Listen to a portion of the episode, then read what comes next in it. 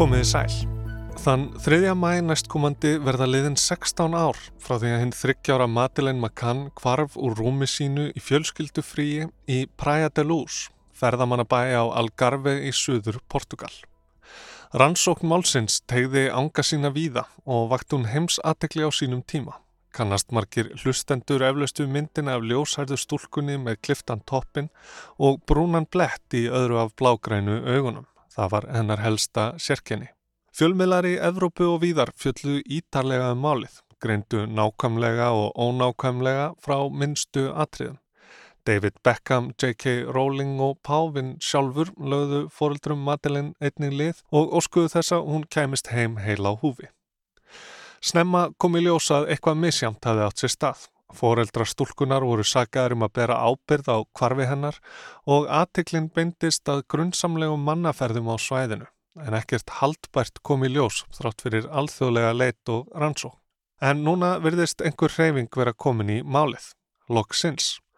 Í fyrsta sinn frá ásökunum í garð foreldra Madelin hefur einhver fengið stöðu grunaðs manns í málinu. Það er þjóðverið að nafni Kristján Bruckner dæmdur þjófur og nöðgari, grunaður í kvarfi fjölmarkra barna og úlinga undanfarna áratugi.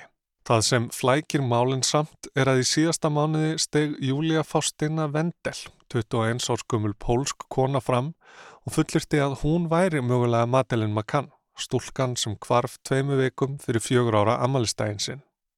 Ég heiti Snorri Raffn Hallsson og þú ert að hlusta á þetta helst. Helst í dag eru nýjustu vendingar í kvarfi Madeleine McCann sem fangaði aðtikli heimsbyðarinnar fyrir 16 árum síðan.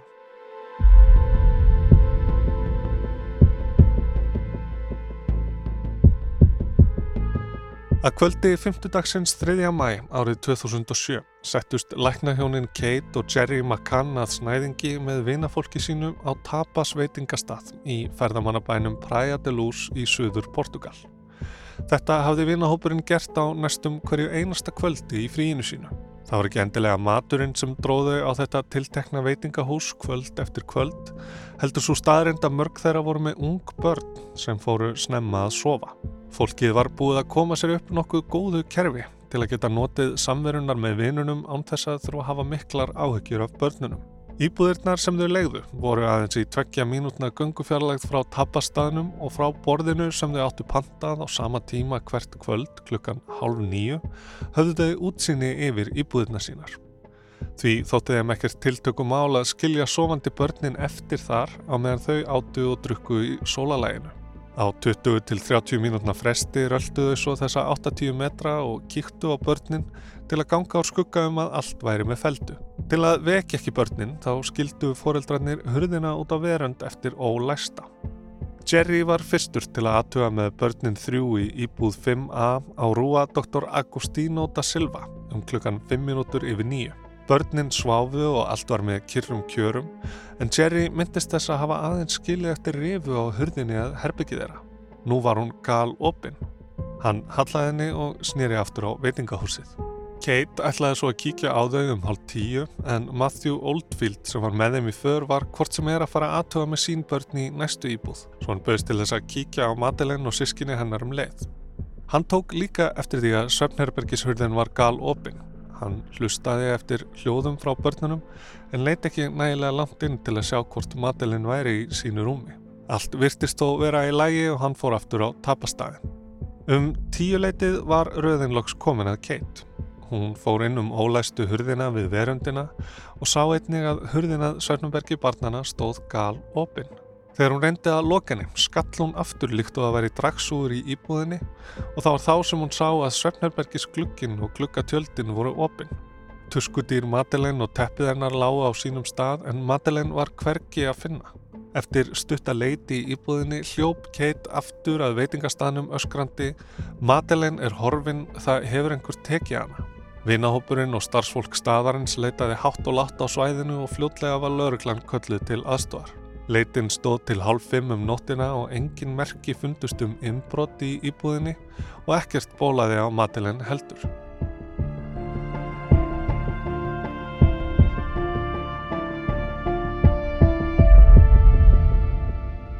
Og daginn eftir rættu Kate og Jerry í fyrsta sinn við fjölmiðla.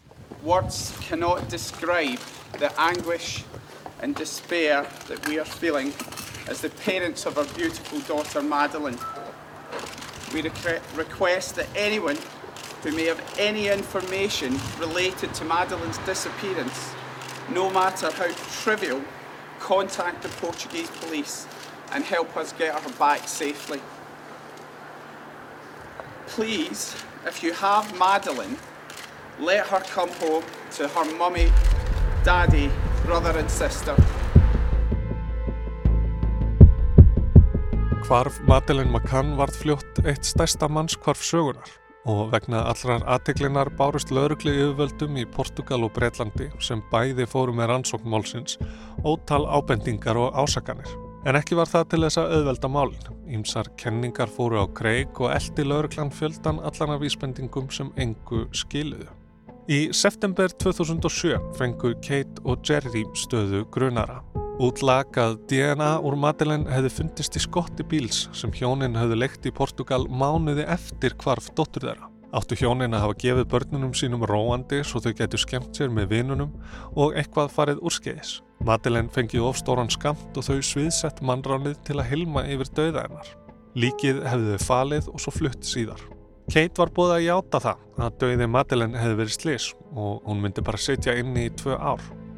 En hjónin neituðu bæði sög, sögðu þetta fáranlega kenningu, þau hefðu verið undir smásjá fjölmiðla allan þennan tíma. Einhver hefði tekið eftir því ef þau flyttu lík í bílnum sínum. Lörglan á staðnum gaf síðan út að DNA-rannsóknin hefði ekki skilað afgerandi niðurstöð og voru Kate og Jerry reynsuð af öllum grun í júli 2008 á samt breskum manni búsettum á svæðinu sem bendlaður hafi verið við málið. Ríkis saksóknari sæði einnig að ónó sönnunagögn væri fyrir hendi til að halda rannsóknmálsins áfram. En Kate og Jerry nýttu sér fjölmiðla aðteklina og byggluðu til heimsbyðarinnar um að hafa augun opinn fyrir matilinn. Þau stopnuð sjóð sem fjármagnaði sjálfstæðar ansókn og Skotlandi Jart tók málið upp að nýju 2011. En enn hefur ekkert spurst til Madeleine þó fólk víðaðum heim tellið sig hafa séð til hennar. Kate og Jerry hafa aldrei gefið upp von um að dóttir þeirra sé enn á lífi og muni einn daginn snúa aftur heim.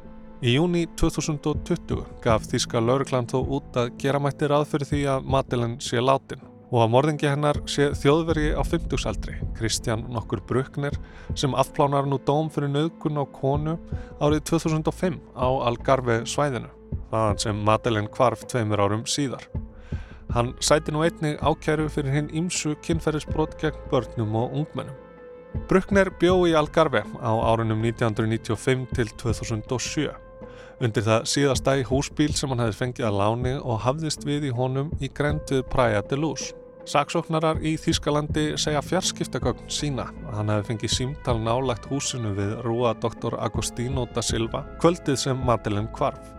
Bruckner neytar sög en þáverandi kærsta hans segir að kvöldið áður hafa hann sagt við hana ég þarf að sinna verkefni í Praia de Luz á morgun. Þetta er ræðilegt verkefni en þetta er eitthvað sem ég verða að gera og það mun breyta lífið mínu. Þú munt ekki sjá mig í svo litin tíma. Lauruglu yfirvöldi Þískalandi segist einnig hafa haldbara sannanir fyrir því að matilinn sé látin og að í húsbílnum hafi fundist sönnunargögn sem tengja bröknir við kvarfið. Hver sönnunargögnin eru hefur ekki fengist uppgifið en Bruckner hefur einnig verið rannsakaður í tengslum við að minnstakosti sex önnur börn sem hurfu í Portugal og Þískalandi á árunum 1995 til 2015. En hefur Bruckner þó ekki verið ákjærður fyrir aðild sínaða máli Madeleine en í fyrra hlautan stöðu grunaðsmanns hjá lauruglunni í Portugal sá fyrsti frá því árið 2007 þegar Kate og Jerry McCann voru talin bera sök á döða og kvarfi dóttur sinnar. En málinu líkur ekki hérna allavega ekki strax. I'm real and I'm really truly believe that I can be Madeleine but I'm not sure and um, I can be sure without um, without DNA test. Uh, I have dots here, left eye, and here, right eye. Við heyrum hér í henni 21 áskömmlu Júliu Faustinu Vendel, pólskri konu búsettri í Þískalandi, sem heldur því fram að hún gæti verið Madeleine McCann. Hún er komin með yfir miljón fylgjendur á samfélagsmiðlum þar sem hún postar undir nafninu I am Madeleine McCann þar sem hún byrtir myndir af sér og Madeleine hlið við hlið og týnir ímislegt til máli sínu til stuðnings. Helst er það bletturinn í auganu, svo kallað kolobóma sem gefur augasteininum óreglulega lögun sem þær Madeleine og Júlia eiga sameinlegt. Júlia bendur einni á líkindi með andlitslögun, fæðingarblettum og frekjusgarði í æsku og fjölmörgum myndum og myndböndum líkir hún sér við Kate og Jerry McCann. Það eru vissulega líkindi með Júliu og Madeleine ef borðnar eru saman myndir af þeim ungum en það er auðvitað ekkert hægt að fullir það og Júlia hefur engar frekari sannanir. En hvers vegna heldur hún þá að hún sé Madeleine McCann?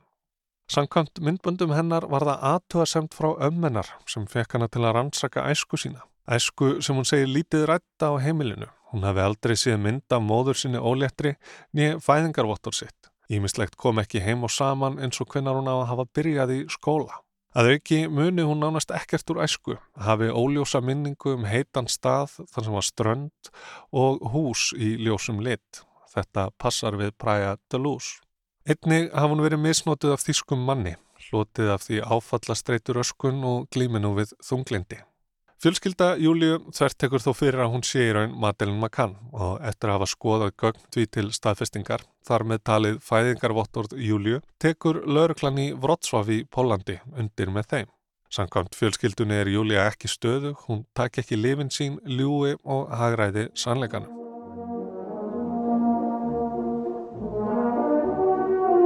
sannleikanum. Þetta er ekki í fyrsta sinn sem einhver telur sig vera mannesku sem kvarf fyrir árum eða ára tögum.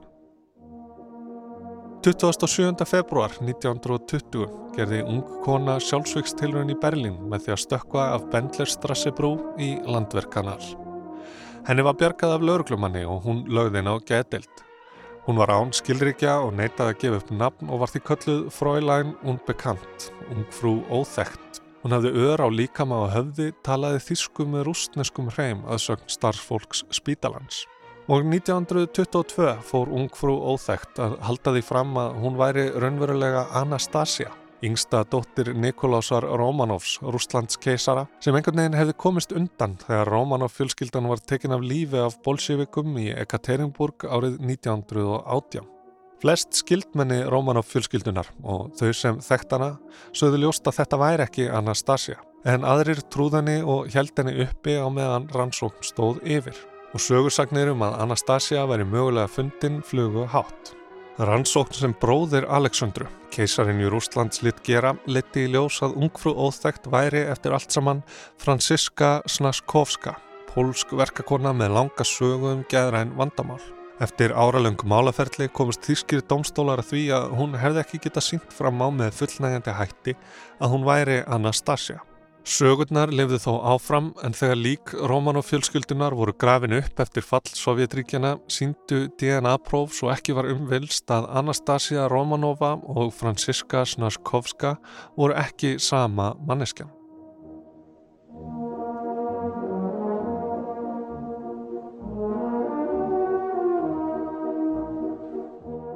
Júlia nýtur nú aðstóðar persneska meðilsins eins og doktor Fía Jóhansson kallar sig við að komast að því hver hún er í raun og veru.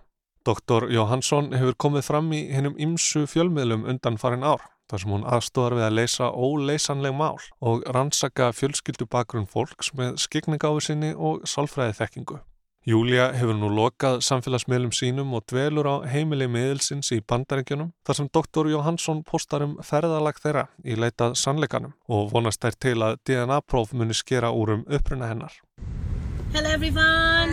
Uh, just want to say we are safe and secure in US, the place that I have so many resources with legit and of course a lot of officers that would love to help Fjölskylda Júliu hefur þó neitað að gefa síni til að sanna hún sér dóttir þeirra en fregnir herma að makkann fjölskyldan sé opinn fyrir þessum möguleika. Júlia og doktor Jóhansson eru í það minnst að sannfarður um að Júlia sé ekki svo sem henni hefur verið sagt að hún sé og þær skjóta heldur ekki loku fyrir það að hún gæti verið hinn svisneska Livia Slepp sem kvarfa á samt tvíbúrasistu sinni Alessio árið 2011. Það má leiða líkur að því að DNA muni hafa úrslita áhrif hér eins og í máli ungfrú óþektrar. Júlia býður nú niðurstöðu úr svo kallu DNA upprunaprófi sem á að geta skorið úr um það hvaðan í heiminum hún er komin. Sýni það að hún sé bresk verða DNA síni sendt til portugalsku lauruglunar og borin saman við Macan fjölskylduna. Sé Júlia Madelin verður fjölskyldan saminuð eftir 16 ár í sundur. Ef ekki, þá heldur leitin áfram. Þetta var helst af nýjustu vendingum í máli Madeleine McCann sem kvarf þryggjára gömul fyrir 16 árum og fangaði aðdegli heimsbyðarinnar. Ég heiti Snorri Rafn Hallsson og þakka á hörnina.